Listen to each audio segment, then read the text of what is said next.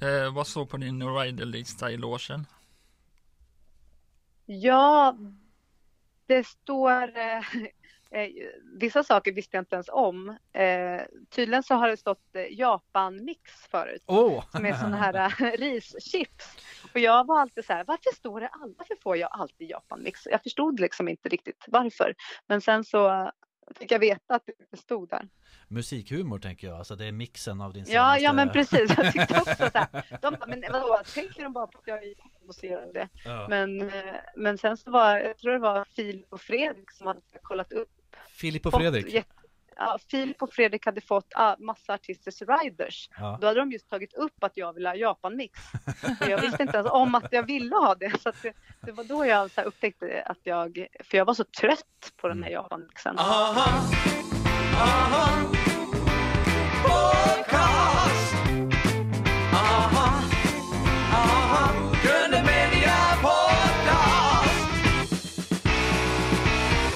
Välkommen eh, Maja Hirashava till Gröna Media Podcast med mig Carl Magnus Eriksson. Jakob Olsson. Och med Erik Jensen. Välkommen. Tack så mycket. Vi är jätteglada att ha dig här. Ja.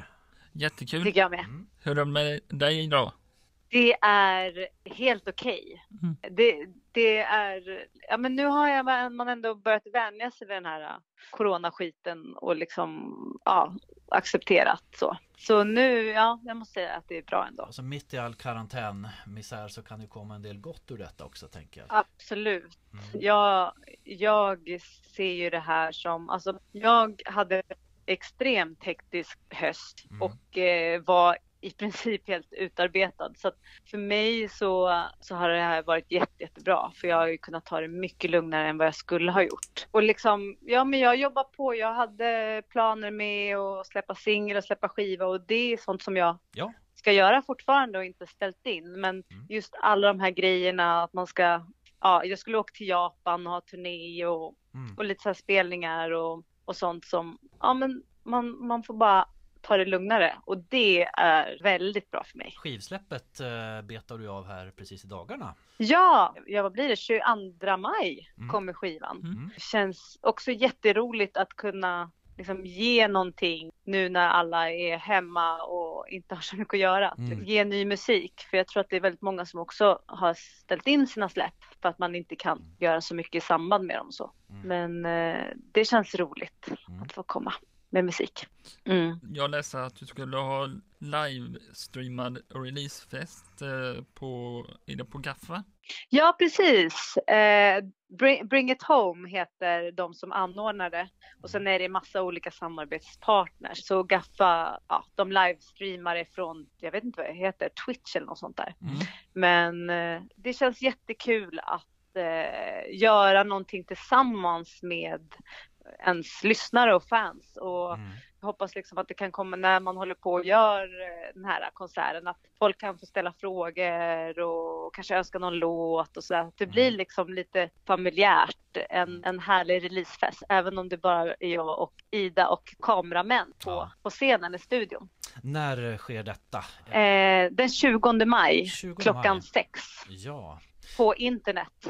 då ska vi se till att ha podden Mm. ut innan dess så vi kan fla- Ja. flagga för det här. Eh, jag såg på Instagram att du var med i Kulturnyheterna på SVT Play. Ja, precis. Kulturveckan. Ja, det var jättebra. Tack så mycket. Ja. Det var kul att få, att få spela lite och, Ja. och så otroligt svältfödd Mm. på det. Eh, det kändes kul.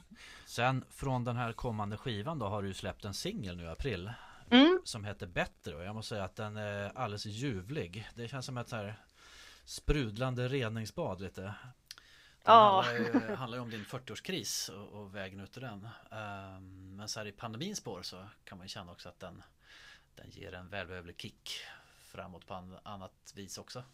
En fantastisk låt. Ja, men tack så mycket. Jag kände verkligen att, eller först, för när det var liksom bestämt att jag skulle släppa den och så, det var innan corona. Mm. Men sen när corona kom så blev jag väldigt så här, osäker. Är det rätt att släppa en sån här peppig och glad låt? Man vet inte vad som händer om en vecka. Eh, för det här var ju precis i början av pandemin i Sverige. sen så tänkte jag efter lite och pratade med folk jag jobbar med och att det här är precis det vi behöver. En peppig låt. Den handlar faktiskt om någonting väldigt jobbigt men också att ta sig ur en kris. Mm. Och det är väl liksom det som folk behöver höra Ja, eh, just nu. Och så det kändes eh, väldigt bra att släppa den. För att den handlar ju om en kris. Så det blev liksom som att den texten förändrades till att handla om allas kris som alla går igenom just nu. Mm. Så. De håller ju på att öppna upp nu i vissa länder, till exempel Kina och Japan och Europa. Eh, Funderar, Mm. funderar du på att åka tillbaka till Kina och spela?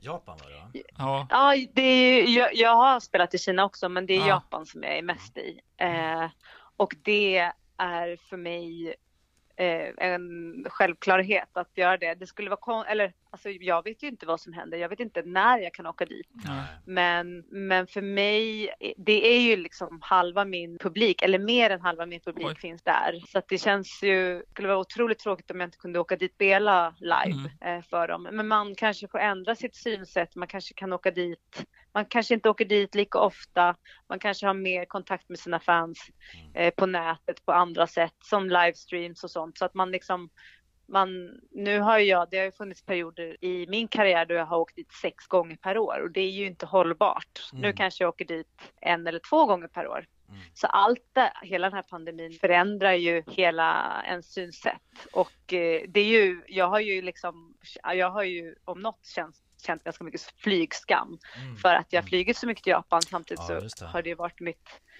jobb och det har varit svårt att, eh, att flytta dit för det hade ju varit ett alternativ egentligen. Sen känns det väl lite som den här livestream eh, biten är här för att stanna oavsett om vi öppnar upp. Det tror, jag Mm. tror absolut det. Det här blev liksom en push för folk att Mm. verkligen ta tag i det. Sen kan jag känna att det just nu finns en liksom en överdosering att alla ska livestreama, även om folk kanske inte hade tänkt åka ut på turné eller sådär. Mm, mm. Men jag tror det, det, det mattas ju av med tiden och att folk, men för att om det blir för mycket då kanske folket vän, liksom inte orkar med och kolla för att det är så mycket. Men Ja, om det, sen, om det sen verkligen blir lite mera, ja men att man hittar bra sätt och bra plattformar och allting funkar med bra ljud och sånt, då tror jag absolut det kommer vara ett sätt. Mm. Och just det här att man faktiskt kan kommunicera med publiken Ja. via att man skriver kommentarer och sånt. Mm. Det är ju, det blir verkligen på riktigt istället för att titta på en, en, en filmad konsert till Mm. exempel. Mm. Så är det på ett annat sätt med livestream. Är du känd även i Japan och har du fler lyssnare där och, eh, och större publik än i Sverige? Jag eh, bodde i Japan 2010. Eh, Min pappa kommer därifrån. Och eh, då fick jag två stycken jätte, jättestora hits. Så efter det så bara, ja, min karriär bara väckte otroligt mycket där borta. Från att liksom bara vara lite indie-artist till att bli en ganska folkkär artist där. Eh, och sen så flyttade jag hem till Sverige och i, nu är det liksom, jag har, jag skulle nog säga jag, jag vet faktiskt inte vart min, min största publik är, men jag skulle nog säga att den fortfarande är i Japan. Eh, även om det är svårt att hålla uppe liksom Mm. all, eh, ja men hela karriären där när man inte bor där så. Men jag är ju där ofta och spelar och släpper skivor och jag skriver framförallt väldigt mycket låtar till reklamfilm där. Aha, okej. Så att- Mm, Om man sätter på tvn så kommer man höra min röst okej. nästan. Ja, när, ja, när som. Vad är det för reklamfilm? lite blandat. Ja, kanske. men det, alltså jag har gjort 50 låtar till olika Oj. reklamfilmer. Ja. Eh, men de två största låtarna som jag har gjort till reklamfilm, det är en till typ japanska tågbolaget, Mm. Kyushu Shinkansen, Ja. sådana snabbtåg och eh, sen är det ett schampo faktiskt som har blivit jättestor. Mm. Så man vet aldrig liksom vad som, vad som slår och inte. Nej, just det. Kalle kommer att fråga dig nu, får vi höra ett smakprov? Ja, får vi höra ett smakprov? På låten, Ja, eller på låtarna? Ja, alltså jag har ju en, min absolut största hit som är jätte, eh, ja, fortfarande väldigt stor. Ja. Den heter Boom och den är så Boom. himla enkel och jag kom på den refrängen Ja. när jag skulle gå över ett övergångsställe i Tokyo och den går så här.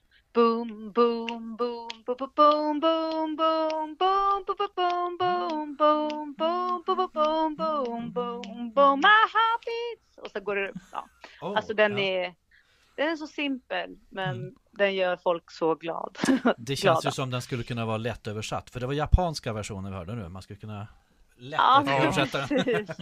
Nej, den är Ja. faktiskt på engelska. Ja, Okej. Men ja. jag håller på att fnula på en japansk version. Jag har inte gjort den. ja, för du sjunger en Mm. hel del på japanska också då när du slår där. Eller är det engelska språket du använder på den Jag, marknaden? också? an...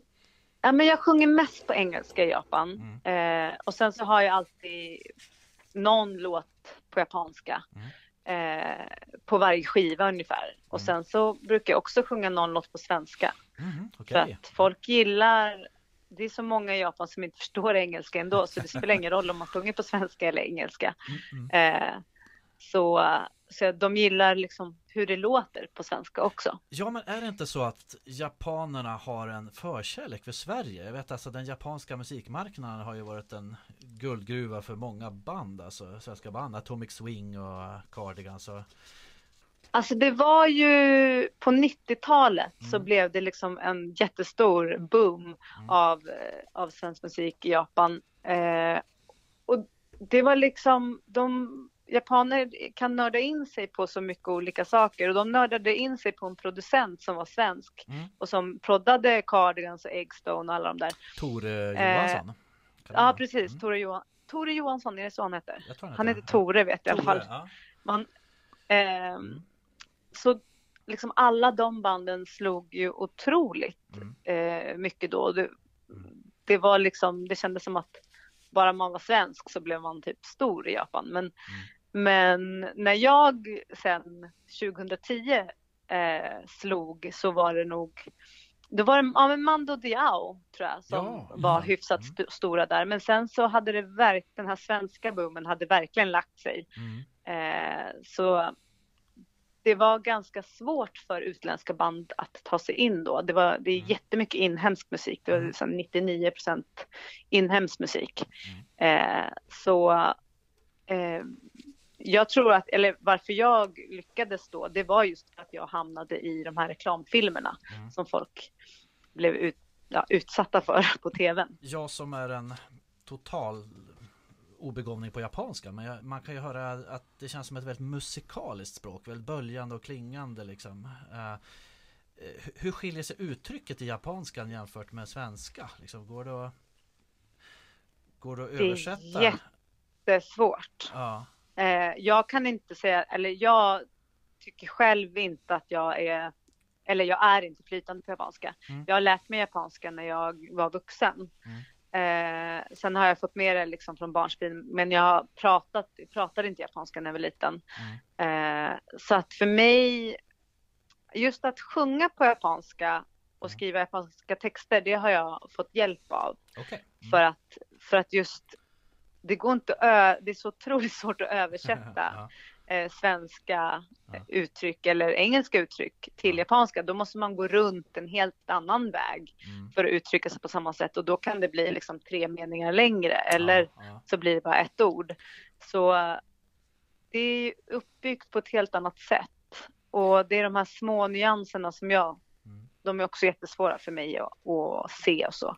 Så det har varit eh, jätte, ja, men jättebra att jag fått hjälp med det. Sen kan jag när jag har lärt mig det, lärt mig sjunga den så har ju, ja, men jag har ett bra uttal och sånt så det är in, inte Mm. någonting som folk, folk tänker på. Men det är, jag tycker japanskan är, det är svårt att sjunga på. Den är ganska, det är ganska stolpigt och mycket vokaler och Mm. alltså om jag skriver en vers så Mm. skulle det kunna vara tre verser på japanska för det är så, my- det är så mycket, det är så längre Ah, okej. på något sätt. Ja. De, Mm. eh, de eh, spelar ju mycket eh, tv-spel och eh, sjunger mycket karaoke. Gör du också det? Alltså karaoke älskar jag. Ja. Ja. Jag måste alltid hålla, när jag är på turné, Mm. hålla i mig själv för att inte sjunga karaoke efter konserterna. För då förstör jag min röst Vårda till nästa ja. konsert. Ja, just det. Mm. det får jag vill säga alltid Ja. sista kons- efter sista konserten, då får jag liksom sjunga ut. Ah, Eh, någon gång har mitt omklädningsrum varit ett karaokerum. ah, Så det har varit, varit så svårt. Man, jag får inte sjunga, inte innan konserten. Mm. De sjunger väldigt eh, mycket karaoke skulle jag säga i Japan. Mm. Det är inte bara en myt utan det är någonting som ja, men, högstadietjejer gör efter skolan eller business Mm. män gör efter sitt jobb för att liksom slappna av så. Mm. Eh, En annan sak jag tänkte kring japanskan där för att avrunda det. Eh, alltså den kulturen också. Jag har hört någonstans att på japanska finns inte liksom strikta nej, liksom, utan man är väldigt ödmjuk och så här. Vad kan man skriva? Liksom? Alltså, jag tänker spontant här, du skrev ju en låt som heter I wanna do it now förra året. mm. eller jag vill göra det nu, den finns på svenska Ah, också. Okej, ja, just det. Ligga-låten, eller man ska säga. Ja, Ja, Skulle en sån funka på japanska marknaden? Eller För direkt så att för säga. direkt på liksom? Ja. Ja. Eh, jag har ju släppt den i Japan och den, den Ja. funkar inte jättebra så att jag tror det kanske stämmer. Ja, Eh, det. nej men det finns, eh, det är absolut sant Ja. att det här med nej finns inte där på samma sätt.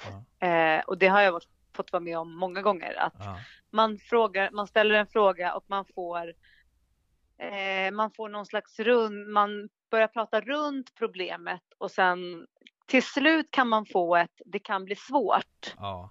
Det är inte, betyder inte nej, men det kan, det kan bli svårt får Ja, man. det. Och då ska man förstå att det betyder nej. Ödmjukt. Eh, Ja.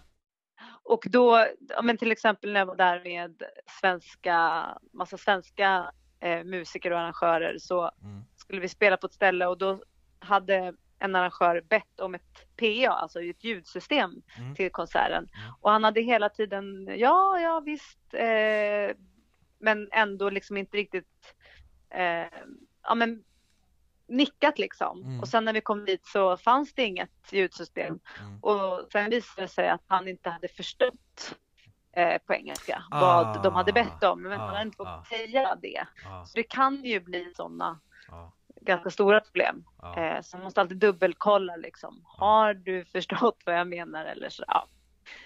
Mm. Det finns många språkliga eh, Mm. konstigheter som kan hända. Mm. Som är- kan vara ganska roliga i, sen efteråt men kanske inte riktigt då när man ska ha konsert och så står man där utan ett PA. Vad fick du för reaktioner på låten här i Sverige? För att återvända till den svenska marknaden här då. Mm. Ja men det var ju en super eh, fin reaktion. Ja. Det var liksom, ja men nu är mitt andra släpp på eget bolag så det var alltid, så alltid lite nervöst och så. Men den har jag spelat jättemycket och den spelas på radio mycket och ja men mycket streams och sånt. Mm. Så, eh, så det kändes som att den gick in i svenskarnas hjärtan. Jag tror faktiskt inte att japanerna riktigt har fattat låten för att de kanske inte lyssnar på texten på samma sätt heller när det är på engelska. Mm. Eh, så, och jag har inte liksom promotat den på det sättet heller. Mm. Jag, om jag ska försvara japanerna. Men, men, jag, men jag gillar den på svenska bättre också. Visst, Faktiskt alltså, själv. Jag tänker vi svenskar, det är väl lite liknande så här att vi kan vara lite försiktiga. Också kanske gå som katten kring het gröt. Så att det, det är kanske så att vi behöver mer sådana direkta texter här också. Ja, absolut. Vad är bästa med att spela inför publik, Maja? Maja? Det bästa med att spela inför publik tycker jag är att man är i nuet tillsammans. Mm. Och att det är, eller jag ger ju någonting till publiken men samtidigt så ger de någonting till mig. Och jag får massa energi och eh, ja men det händer någonting som, som inte går, går att skapa någon annanstans tycker jag faktiskt. Mm. Eh, och för mig har alltid live-sammanhanget varit Mm. det absolut roligaste. Mm. Tycker jag. Eh, Jag såg på Youtube att du och Ola Sado sjöng för kungafamiljen på nationaldag. Hur var det? Det var väldigt roligt för att jag fick spela med en jättestor blåsorkester Mm. och med Ola. Jag hade också ärat upp den här låten jag gjorde min morgon och gjort den Ja, lite mer till min, e min egen eller vår egna version och sen så Mm. hade de tagit det äret och gjort det till med blåsorkester Mm. så det det var ju en jättehäftig Mm. upplevelse. Måste ju fråga där, det har man ju på singeln här också bättre. Eh, en blåssektion där som får ju låten att lyfta från marken alltså. Eh, är du för, Ja. förtjust, förtjust i den, den typen av arr? Det är jädrigt snyggt alltså när man... Ja, Mm. alltså jag har alltid varit svag för Mm. en orkesterkänsla Mm. kan man säga. Så att jag, ja, men det, både blåsar och, eh, och stråkar har jag Mm. alltid gillat mycket. Mm. Sen finns det perioder när jag liksom är så trött på det så att jag bara, äh, bort med det. Då blir det Men- e- elektronik istället kanske? För du jobbar Då blir det sånt. helt Ja. elektroniskt istället. Ja. Så det, det känns nästan som att det har varit ganska mycket varannan skiva Ja. som jag har eh, haft sånt på. Men, men just den här skivan som ska släppa också, då har jag verkligen så här, nej, nu struntar jag i eh, om det låter olika på olika låtar. Så nu är det verkligen så här, fy- 50 procent eh, elektroniska låtar och 50 procent helt akustiska låtar. Mm. Så det blir eh, intressant att höra vad folk tycker, om de tycker att det är för spretigt eller om min röst och mina låtar liksom för ihop det. Mm. Ja, Och det, för det tycker jag själv att jag. Det är helheten som räknas där. Eh, Det blir ju, jag tycker väldigt mycket om Mm. när det är akustiska instrument och det, det blir så mäktigt med, Mm. med eh, de här instrumenten. Mm. Det är liksom, man tar verkligen upp det till en annan nivå. Verkligen. Mm. Mm.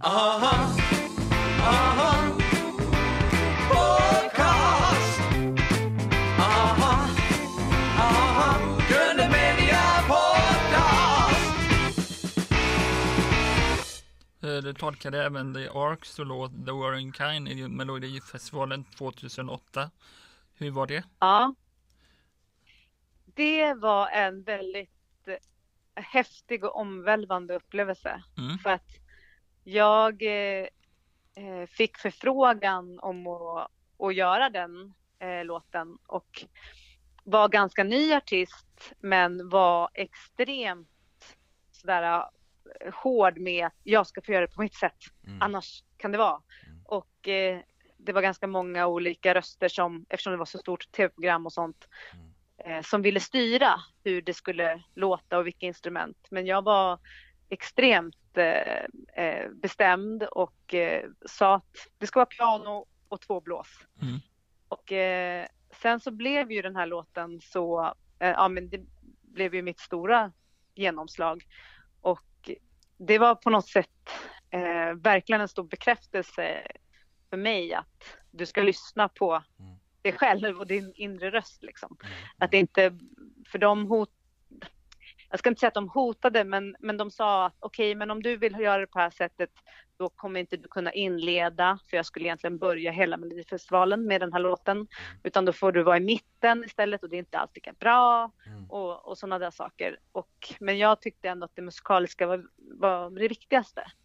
Så det har jag alltid med mig, eller har haft med mig i hela min karriär, att jag ska liksom tro på mina idéer och att jag Ja, vågar tro ja, på mina idéer. Så det blev väldigt bra där. Du- fick Christer Björkman med det där i alla fall. Det är inte alla som får det tänker jag. Det. Det fick jag verkligen. Ja. Det, alltså, alla älskade ju versionen från början, men det var ju liksom små grejer. De ville ha stråk, jag ville ha blås och sånt där. Liksom.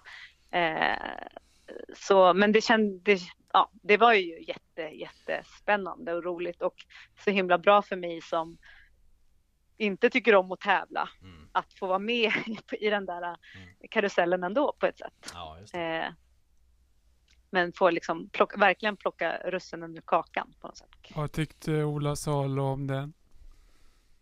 Han tyckte jättemycket om den, eh, vilket var eh, jätteroligt. Jag hade inte tänkt så mycket, eller, alltså det är klart att jag ville att de skulle gilla versionen. Mm. Eh, men sen så efter några år så var det som att min version nästan har tagit över. Mm. För att Ola Salo gick solo själv och Mm. blev en egen artist. Och Mm. Då har ju han sjungit min version. Ah, det är så. eh, Så han gör den istället oftare. för Darks. Ah, grymt alltså. Det är en Mm. bekräftelse Så det. Ja. det är ju verkligen en bekräftelse i sig att, Mm. att, min, att liksom originalartisten gör coverversionen. Mm. Eh, vilket är, ja det känns ju helt, eh, ver- verkligen drömmigt att, att eh, få den bekräftelsen. Men den, Mm. den versionen kanske passar honom mer just nu vart han är i livet och Mm. den andra versionen är ju så väldigt my- mycket bandkänsla Precis, och ja men visst. min version ja. är mera solo. Ja. Umgås du med Ola idag och tar en fika? Vi har inte träffats på ganska länge nu, men, eh, men och han bor ju inte i Stockholm heller så man ses inte så ofta. Men vi, vi, vi har ju setts när vi har jobbat och eh, ja, men hörts av lite då och då och så. Mm. De skulle väl äh, återförenas i Sommar Dark? Får se hur det blir med det nu då. Uh, kanske. Ja, Får vi se vilken version det. de kör. Kanske- Precis. Ja, det vore fint om de också väljer den här. Har du planer på att tävla i Melodifestivalen? Eh, ja, alltså förut har jag varit eh, väldigt så här, nej, nej, jag skulle, skulle aldrig vilja vara med. Nu är jag mera, alltså man ska aldrig säga aldrig. Det är väl Mm. det svaret som jag säger. Det är inte min eh, högsta dröm att vara med där eh, och jag kan tycka att det är lite svårt att vara med där. Mm. Men men jag, ska aldrig säga, jag skulle aldrig säga aldrig. Om jag har en låt som jag verkligen, verkligen tycker passar in där så skulle jag absolut Nej, jag ska inte säga att jag skulle absolut söka, men jag skulle inte eh, absolut säga nej i alla fall. Mm. Ett väldigt luddigt svar här känner jag. ja, Men- får, man får passa också. Det får man... Ja, Eh, pass. Men ja, du har ju onekligen en Ja. fot inne där då och Christer vet ju vad du går för liksom där så att eh, det hoppas vi på. Ja. Det skulle nog passa Ja, utmärkt där. Har, Eh, har du någon favoritlåt i Melodifestivalen som du... The Warring Eh, Kind kanske. ja, men precis, the were in kind. Eh, nej, men alltså, ABBA? Vad svårt. Nu, just nu har jag ju, jag har ju barn i eh, melloålder så att säga. Mm. De är åtta år Mm. eh, båda två. Så att jag eh, har ju tittat väldigt mycket på, på Melodifestivalen. Men jag tycker ju fortfarande att Euphoria är Ja. den absolut bästa. Den är ljuvlig. Ja, Ja. jag hörde precis på den lite grann. Och så hon var ju med igår på Efter Fem. Eh, Loreen ja, ska vara med i Så mycket bättre läste jag. Precis. Mm. Ah! Nej, men den var ju en klass för sig. Mm. mm. Ta någon liten fråga om din, din skapande process? Är du en sån som gillar att sitta och experimentera med ljud och klanger och eh, laborera i studio? Eh, nej, Det är så? Ah. Nej, men alltså, Mm. jag har alltid varit ganska obekväm med, jag har alltid tyckt att så här, det, en artist har ju ofta olika sjok. Mm. Ja, att man först ska man skriva musiken, sen går man in i studion Mm. och sen åker man ut och promotar skivan och åker på turné. Mm. Och då har jag alltid tyckt att promota skivan och åka på på turnén, det har liksom varit väldigt, väldigt roligt och Mm. kreativt och enkelt. Mm. Och så har jag tyckt att den andra delen har varit svår. Mm. Men det kanske håller på att förändras för att jag har alltid haft ganska mycket skrivkramp och Mm. tyckt det, varit, det har varit en väldigt långsam process. Jag har känt att jag alltid känner mig ganska stressad för att det inte händer något, alltså att det Mm. tar lång tid.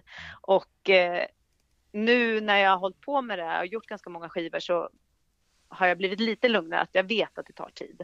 Mm. Och att jag vet att den här dagen när jag inte gör någonting utan bara stirrar in i mitt piano är Mm. också en dag eh, fram till nästa album så att säga. Men jag är inte en sån som jag tycker nog, just nu är jag inne i ett skriva flow som jag tycker är härligt och roligt. Mm. Men det är lite mer att jag liksom fokuserar på melodi och text mer än jag håller på och pillar i något Mm. Logic-projekt med olika arr och sånt. Det tycker jag är ganska jag har så dåligt tålamod så att jag blir så Mhm. frustrerad. Mm. Eh, ja, men jag är inte någon sån som sitter och pillar på någonting utan jag bara spelar in det och sen så antingen om jag spelar in med en eller liksom gör tillsammans med en annan producent så får den personen hålla på och pilla om den vill. Men jag, jag eh, går ofta, ganska ofta på liksom första idéerna. Mm. Min nya singel Bättre, där, har vi, där spelade vi in allting på en dag.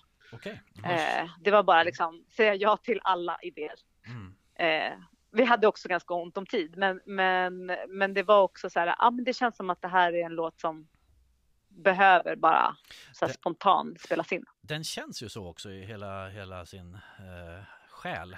Ja, den är inte så, den är inte så liksom, den bara är känner jag. Den är inte så smart, utan den mest bara är. Känslan. va? Vad kommer först då? Är det texten eller musiken? Eh, ja, men det kommer ofta eh, en melodi med en textrad som sen utvecklar sig. Eh, så att jag, jag det, jag skulle nog säga att musiken kommer lite, lite före. Men, men, jag, men, jag, men jag, när jag gör melodierna och ackorden så sjunger jag alltid på texter där jag ofta behåller en del av det som jag sjunger från början. Mm. Eh, för att jag tycker att orden har melodi också på något Mm. sätt. Mm. Eh, men jag har ju numera liksom verkligen jag jobbar lite mer på mina texter, att jag funderar. Mm. Vad vill jag säga? Kommer folk förstå det här? Är det för luddigt? Mm. Kan folk ta till sig det även om de inte varit med om exakt samma sak och sånt? Mm. Eh, ja, men förut kanske jag kunde tycka att det var okej med en andra vers som- som ingen förstod. Men Mm. nu är jag mer så här, nej nu måste det vara en fortsättning. Vers två måste vara en... Mm. sådär. Jag är lite Mm. mer noggrann nu. Hur lång tid tog det att skriva bättre? Låten skrev jag faktiskt på engelska först. Mm. Så då skrev jag den kanske bara på ja, men någon, en, två dagar Mm. tror jag. Eh, och sen när jag skulle, kände så här, nej men den här låten skulle ju vara så himla bra på svenska.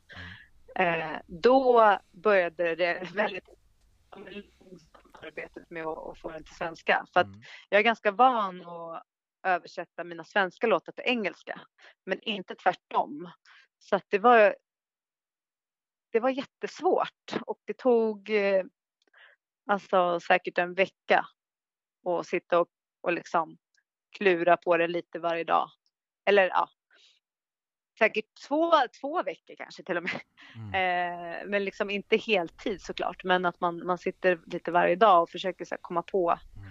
vad, ja men hur man ska uttrycka sig Det var så att det ju låter fint. var det ämnet i sig också som kanske eh, gjorde att det fick verkas fram. 40-årskrisen och det här som du, du sjunger om där liksom. Eh, Ja, ja men li, lite sådär att egentligen när jag skrev den på engelska så visste jag inte riktigt vad den handlade om. mm. Men när jag sen skulle översätta den så hade jag liksom fattat vad det handlade om. Mm. Och då vill jag verkligen få fram det. Mm. Eh, och om jag ska vara helt ärlig så är jag ofta mer noggrann när jag sjunger på svenska Mm. än med att det ska kännas bra med texten. Mm. Eh, man kommer undan lite enklare på, på engelska. Ja, på Eh. svenska kan man inte gömma sig bakom eh, formuleringarna kanske på samma sätt. Det blir mer direkt. också. Nej. Mm. Nej men precis och också formuleringar som funkar väldigt bra på engelska funkar inte alls på svenska för att man bara tycker att det är en kliché allting.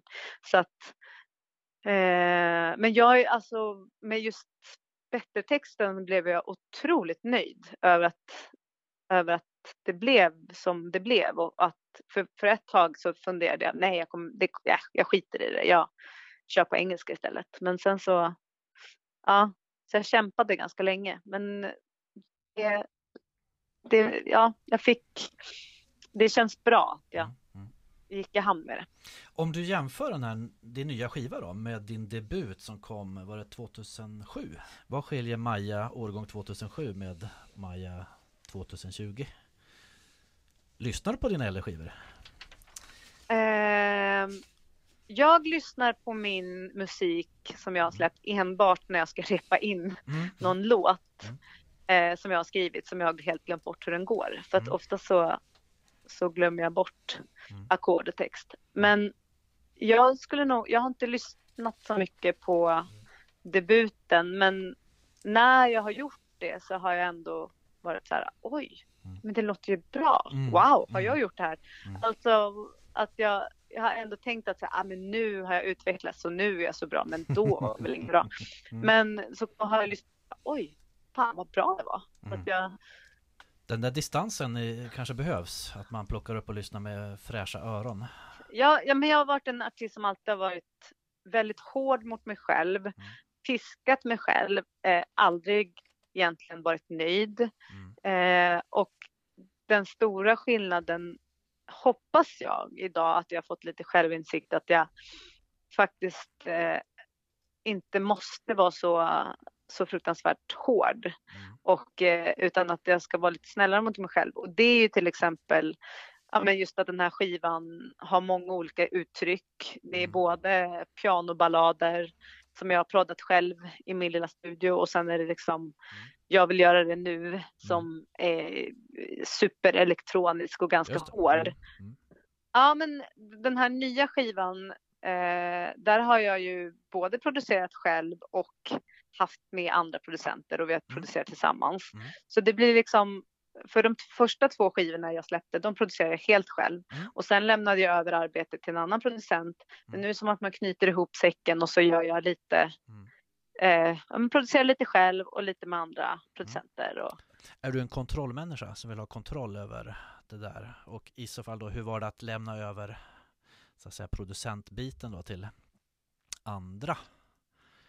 Eh, ja, men man kan ju säga, ja, jag har varit en kontrollmänniska och jag är det fortfarande på ett sätt. Mm. Men jag har, förut har jag tyckt att så här, det är något positivt, att Mm. jag vill ha kontroll över mus, mus, musik och bestämma allt själv. Mm. Men sen har jag också känt att, ja men då kanske man inte liksom aldrig riktigt släpper taget och vågar släppa in någon som kan göra Mm. ett riktigt bra jobb. Mm. Så det tog mig tre skivor nästan Mm. eller två skivor innan jag faktiskt släppte producentrollen helt. Utan jag har ju, när, även fast det har stått att det varit någon annan som har producerat så har jag ju gjort Mm. väldigt mycket. Vi har ju gjort allting tillsammans så att Mm. säga. Mm. Men den senaste EPn jag släppte, eh, eller ja, många av de låtarna kommer vara med på den här nya skivan också, så har jag Mm. producerat tillsammans med Tofab som är ett Mm. Mm. gäng från Göteborg Okej. eh, med eh, ja, men super eh, talangfulla eh, producenter som jobbar mer elektroniskt. Mm. Mm. Och då har jag för första gången också velat så här, nu får ni producera helt. Mm. Så då har jag bara lämnat över en, en, ett pianospår och en sång.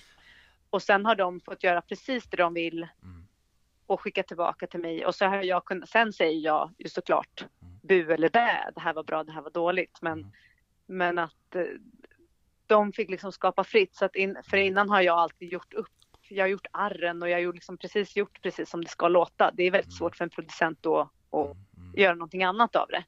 Så att, eh, och det har varit eh, otroligt lärorikt för mig och roligt att Mm. få in andra öron som hör, Mm. som hör något helt annat än vad jag gör. Det måste vara en ganska behaglig känsla att vila i. Att släpp, släppa det och tänka nu, nu kanske det inte blir exakt som jag vill ha det men det blir bra på ett annat sätt och så får man nya inputs liksom. Eh, Ja, och jag, det är Mm. ju alltid jag som bestämmer i slutändan om jag vill Ja. släppa det eller inte. Så det är Mm. liksom inte så att jag, Nej, nej, någon tar över och hijackar min musik så, utan det är ju bara att jag, Mm.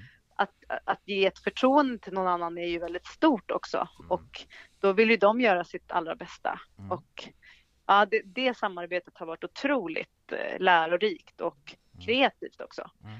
För deras idéer har ju fått att jag har fått nya idéer Mm. och, och ja, visar sig. När började du som musiker? Var det en barndomsdröm? Ja, det var en, en hemlig barndomsdröm tror jag.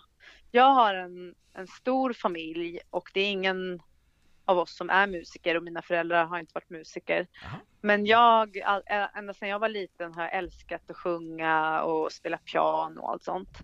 Ehm, men det var, eftersom det inte riktigt fanns i min värld att man kunde jobba som artist eller musiker så var det liksom ingenting som jag sa högt. Mm. Eh, men sen så började jag, jag började på gymnasiet så gick jag på musiklinjen och det var Mm, egentligen då mm. som jag verkligen började sjunga Mm. eh, och förstod att jag hade en röst som var bra. Mm. Innan så hade jag alltid konserter för mina syskon och sånt. Mm. Eh, men, men liksom inte fått den, den bekräftelsen. Mm. Så att det var på gymnasiet som jag bör, verkligen började, jag började sjunga och eh, hade spelat klassiskt piano länge. Okej. Men så började jag Mm. lära mig, lära mig spela mera popmusik och så. Mm. Eh, och ja, så, så jag- började, började ganska sent och jag började inte skriva musik förrän jag var kanske 20 år och gick på folkhögskola, Mm. musik. Du har väldigt snygg hemsida och eh, vem har designat den? Ja men tack! Det är jag själv. Är du Så själv? jag blir extra glad. Ja, Eh, jag faktiskt, eh, ja, jag fix, fixade ordningen den här om, här om månaden. Ja. Eh, och försökte få den, få den lite bättre än vad den har varit i många år. vad har du för tips om man ska göra den själv? Eh, tålamod. det är aldrig så lätt som man tror att det är. Mm. Eh, men jag har någon, eh, ja men Det är inte Wordpress? nej jag har inte Wordpress utan jag har något annat som jag inte kommer ihåg vad det heter nu. Mm. Det är på, börjar på S. Men det är allting, det är ungefär som Wordpress. Mm. Eh, att allting är liksom eh, förbestämt, man kodar ingenting. Mm. Utan man, man kan bara välja olika sätt hur Mm. det ska se ut. Du har även en shop också i din, eh, vad heter det, hemsida som man kan köpa saker också va? Eller? Jag har, nej, jag har inte så avancerat än utan jag har bara att man kan Ah. mejla mig så kan man, så kan man få köpa av mig direkt och få Mm. signerat Mm. och så fixar man det via Swish eller något sånt. Ja. Vilka Mm. förebilder hade du? Ja, men jag eh, hade, alltså, eller min, mina föräldrar lyssnade mycket på klassisk musik. Mm. Så ja, men jag hade en morbror, eller min mosters man, som, som lyssnade på mycket popmusik och det var liksom där hans skivor som jag alltid Mm. brukar ta Mm. av. Och det var mycket, alltså det var otroligt blandat. Det var Beatles, Mm. det var Lisa Nilsson, Beach Boys. Mm. ehm, och det var också mycket, jag fastnade för 50-talsmusik. Ja. Eh, så att jag lyssnade mycket på, på något sånt gammalt radioprogram med 50-talsmusik som gick på varje söndag eller någonting. Spelade in alla, alla låtar eh, därifrån. Eh, och sen så fick jag också alltid i julklapp så fick jag gå på en musikal. Eh, till exempel Grease eller eh, ja, Les Misérables eller West Side Story. Mm. Och eh, det var alltså otroligt stort för mig att gå på de här musikalerna. Så att jag hade ju liksom en längtan och en dröm om Mm. att bli musikalartist väldigt länge. Mm. Mm. Eh, men, eh, ja, men just, just att de både sjöng och spelade teater och, och dansade. Jag tyckte att det var, Mm. det var otroligt stort. Så att det var ju liksom alla musikal eh, var mina stora idoler. Mm. Upp till, ja men när jag var mellan 10 till 15 år kanske. Och sen började jag Mm. lyssna jättemycket på indiepop Mm. Och Suede och Blur och Ja. så. Aha, aha, podcast. Aha, aha, Gröna Media Podcast. Har du spelat musikal eh, senare under artistkarriären så? Eller är det någonting du skulle vilja göra? Nej, alltså jag, jag hade mina, mina glansdagar på Mm. gymnasiet. Då fick jag Mm. Eh, vara med och sjunga lite musikal, men Mm. eh, bara så här skoluppsättningar. Mm. Och eh, jag har alltid tänkt att, att det är någonting som jag skulle tycka var jätteroligt att göra. Mm. Men jag har alltid haft så mycket annat att göra med min egna musik så att det har Mm. liksom aldrig Mm. funnits tid till att, till att göra något sånt. Men, men det står på min bucketlist och, Ja. och ja, vara med alltså musikal eller någon Mm. slags musikteater eller sådär. Mm. Skulle jag tycka var jättekul. Vad är ditt råd till barn och ungdomar med artistdrömmar? Eh, ja, att försöka hitta sin, alltså, eller försöka hitta sin egna röst och hur man själv vill låta och vara som, som artist. Man lär sig jättemycket på att härma andra. Men sen så är det ju också jätteviktigt att försöka liksom hitta, hitta hur man själv vill vara och låta. Eh, och jag, jag tror att det är jätteviktig del i, i att, ja, men att det blir no, någon slags originalitet. Sen, sen så ska man alltid försöka gå på magkänsla och, och göra det som, och komma ihåg hela tiden varför man håller på med det man håller på med. För det, eller får jag påminna mig ganska må, många gånger om eh, varför, om jag känner jättestor oro eller ångest eller tycker det är jättejobbigt eh, att släppa en skiva kan jag tycka om det blir recensioner och sånt. Men att man liksom, vänta nu här. Jag är ju inte artist och musiker för att jag tycker det är kul med recensioner utan jag gör ju det för att jag brinner för min musik och för musiken och vad det kan ge till andra människor. Och då får man påminnas om det. Är du nervös innan du går upp på scenen? Ja, jättenervös ofta. Eh, jag tycker att speciellt om jag inte riktigt, om jag inte har gjort, om jag inte varit på en scen eller en festival och jag inte vet riktigt hur publiken kommer vara, så tycker jag att det känns väldigt obehagligt om, när, när jag inte känner mig trygg. Men sen oftast så försvinner nervositeten efter någon, någon låt eller oftast bara efter några sekunder. När jag liksom kommer, jag får stå på scenen och se de som är där, då känner jag liksom, ja men just det, då kommer det upp i min hjärna att just det, jag vet ju hur jag gör här. Jag tycker det här är kul. Var du nervös när du gick upp och- sjöng inför kungen eh, med Ola Salo? Jo, men det var jag. Fast jag var nog, jag var nog mest peppad Mm. Också. För att vi hade fått spela, vi hade fått genrepa och spela så många gånger. Eh, så, att, så, så att jag kände mig inte så nervös när vi väl skulle gå upp, har jag för mig. Eh, men det var väldigt, ja men det var en väldigt fin dag och det, känd, det, ja, men det hade känts så bra på genrepen så att säga. Mm. Så jag kände mig ganska trygg då. Har du någon, någon speciell ri, rit, ritual? Innan konserten, Ja. jag brukar alltid eh, tycka att det är väldigt viktigt att få mycket tid innan, alltså så att man inte kanske äter en halvtimme innan utan jag måste ha ätit klart eh, minst en timme innan så att jag har min tid, sätter mig ner och sminkar mig och pratar inte så mycket med någon annan, eh, byter om, är, är för mig själv lite och går igenom egentligen hela konserten i mitt huvud.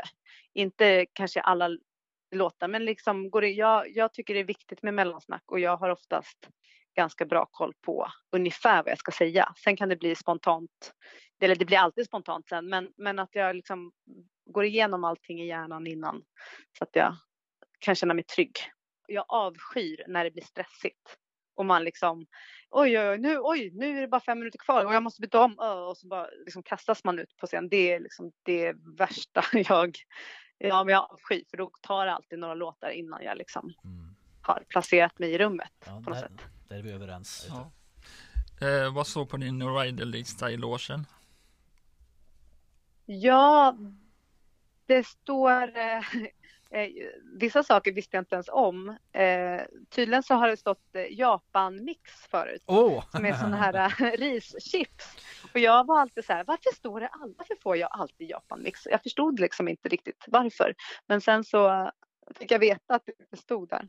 Musikhumor tänker jag, alltså det är mixen av din Ja, senaste... ja men precis. Jag tyckte också så här. De men vadå, tänker de bara på att jag är det? Ja. Men, eh, men sen så var, jag tror det var Filip och Fredrik som hade kollat upp. Filip och fått Fredrik. jätte- Ja, Filip och Fredrik hade fått ah, massa artisters riders. Ja. Då hade de just tagit upp att jag ville ha Japan-mix. Jag visste inte ens om att jag ville ha det. Så det, det var då jag så upptäckte att jag, för jag var så trött på den här Japan-mixen. Mhm. Eh, men Var- annars så brukar jag vilja ha alltid honung och ingefära och citron så att jag kan göra Åh, ett te som är bra för rösten. sångerska. Och, eh, Mm. Jag är galen i chips. Mm. Så därför har jag skrivit grönsaksstavar och dipp. Åh. Så att jag inte ska liksom trycka i mig för mycket chips och må dåligt. Mm. Eh, så jag försöker hålla en lite mer hälsosam linje när man är ute och spelar liksom varje dag.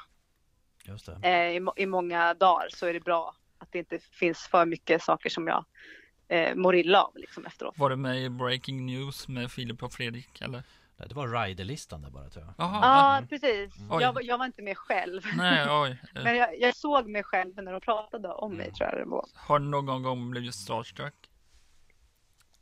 Eh, ja, gud ja. Mm. Många gånger tror jag. Mm. Eh, men eh, när du säger ordet starstruck tänker jag direkt på när jag var, var det kan vara propaganda, så såg jag Rufus Wainwright i, eh, ja, backstage. Och då blev jag bara, så- alltså jag höll på att svimma för att jag är ett jätte, jättestort fan av honom. Mm, Han är grym. Jag vågade Ja. inte gå fram. Mm.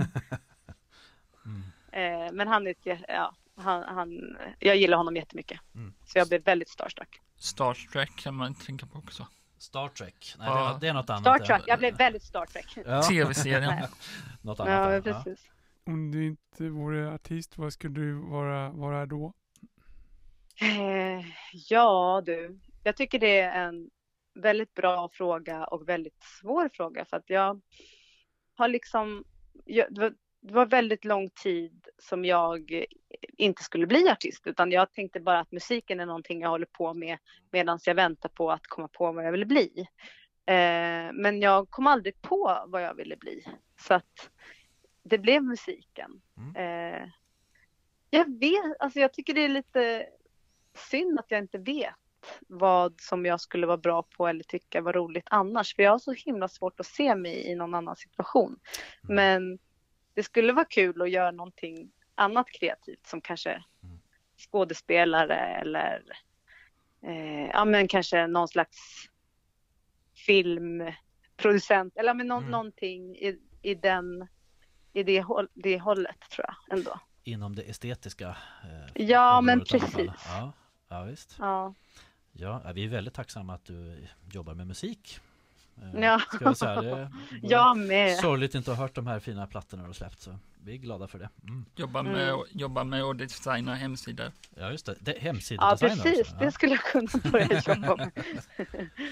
Eh, vem vill du ta med dig till nu då? Oh, ja. Eh, alltså min familj, mina barn och min man Mm. eh, skulle jag ju inte kunna klara mig utan. Eh, jag har liksom inte så många sådana jättestora idoler just nu känns det som. Som att jag Mm. absolut skulle vilja hänga med läng längre tid. Det känns ju nästan ibland som att man är på en öde nu när det är Verkligen. Corona, ja, ja, liksom. visst. Hela jordklotet är en, som en isolerad ö just nu. mm. Eh, vilken låt är du mest stolt över? Oh, den har jag inte tänkt på så mycket. Det, den låten som kommer upp spontant, Mm. det är en låt som heter Aldrig, Mm. som kom på en skiva 2016. Eh, lyssna på den. Ja, den känns alltid eh, klockren på något sätt.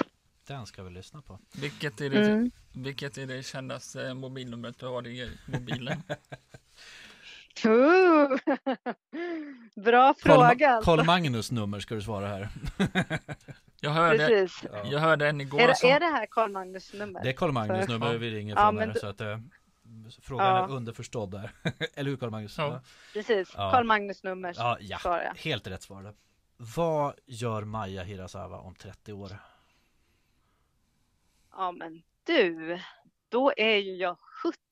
Ja, Det är ju liksom, vi kan säga eh, 20 då- år. Kan då är jag ju Ja. glad pensionär tänker Ja, jag. ja. Och eh, eh, liksom, jag håller på med musik, jag Mm. spelar och sjunger. Eh, inte lika eh, liksom hela tiden som jag är nu. Mm. Förhoppningsvis har jag barnbarn som jag kan vara med Mm. och påta i trädgården, Ja, åka båt eh, och ha, dricka gott kaffe, ja. tänker jag.